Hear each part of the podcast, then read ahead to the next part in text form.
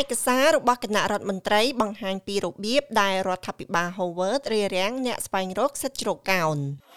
ឯកសាររបស់រដ្ឋាភិបាលកាលពីឆ្នាំ2002ដែលបានរក្សាការសម្ងាត់រហូតមកដល់ពេលនេះបានបង្ហាញពីរយៈពេលដែលរដ្ឋាភិបាល Howard បានធ្វើ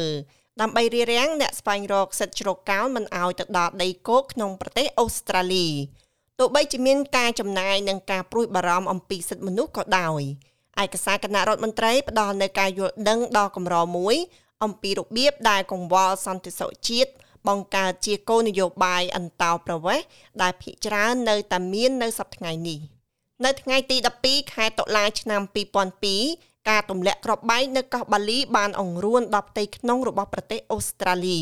ពីថ្ងៃក្រោយមកនាយករដ្ឋមន្ត្រី John Howard បាននិយាយទៅកាន់សភា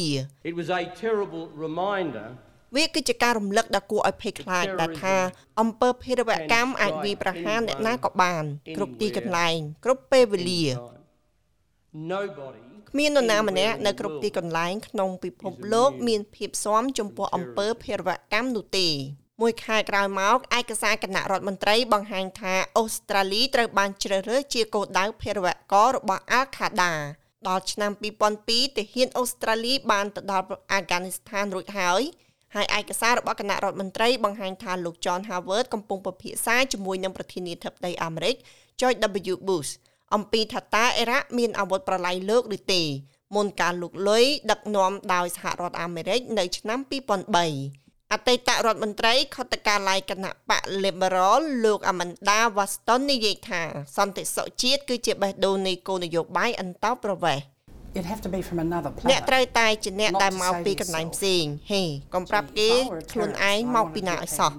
បើខ្ញុំជាភេរវករហើយខ្ញុំចង់យកភេរវករទៅអូស្ត្រាលីតើខ្ញុំត្រូវធ្វើដូចម្ដេច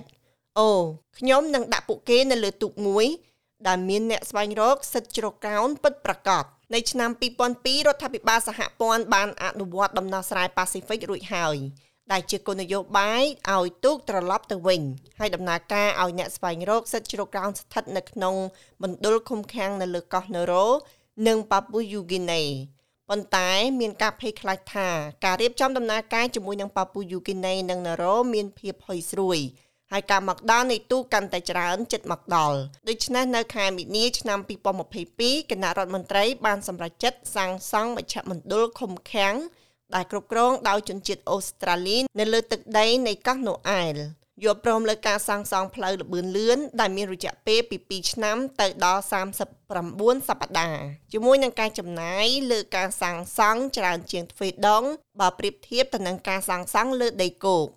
រដ្ឋាភិបាលចង់ផ្ញើសារមួយទៀតថាអ្នកស្វែងរកសិទ្ធិជ្រកកោនដែលមានបំណងចូលទៅក្នុងប្រទេសអូស្ត្រាលីដោយខុសច្បាប់នឹងមិនបានឃើញដីគោកនោះទេ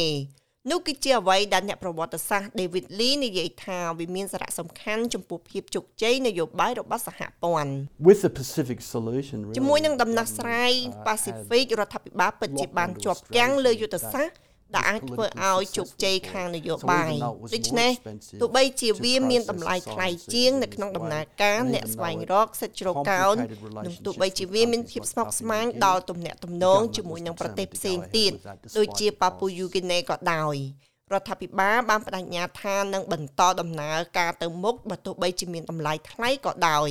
ទោះបីជាមានលក្ខខណ្ឌតម្រូវថាមជ្ឈមណ្ឌលឃុំឃាំងកោះគ្រីស្មាស់មិនដាក់ទណ្ឌកម្ម និងគួរតែធានាបាននូវសុខុមាលភាពផ្លូវកាយនិងផ្លូវចិត្តរបស់អ្នករស់នៅក៏ដោយក៏ការសម្រេចចិត្តថាត្រូវតែដាក់កម្រិតលើការផ្លាស់ប្ដូរទីតាំងនោះត្រូវបានគេចាត់ទុកជាការសំខាន់ដើម្បីកាត់បន្ថយនូវការរត់គេចខ្លួន និងការជ្រៀតជ្រែកដោយប្រព័ន្ធផ្សព្វផ្សាយក្រុមតស៊ូមតិនិងអ្នកស្រុកកោះណូអែល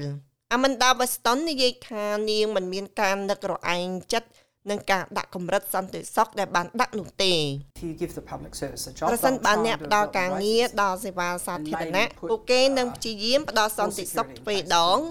ហើយប្រហែលជាត្រូវដាក់សន្តិសុខច្រើនជាងអ្វីដែលចាំបាច់ទៅទៀតហើយកុំភ្លេចថានេះគឺជាពេលវេលាដែលយើងមិនមានប្រកបទេ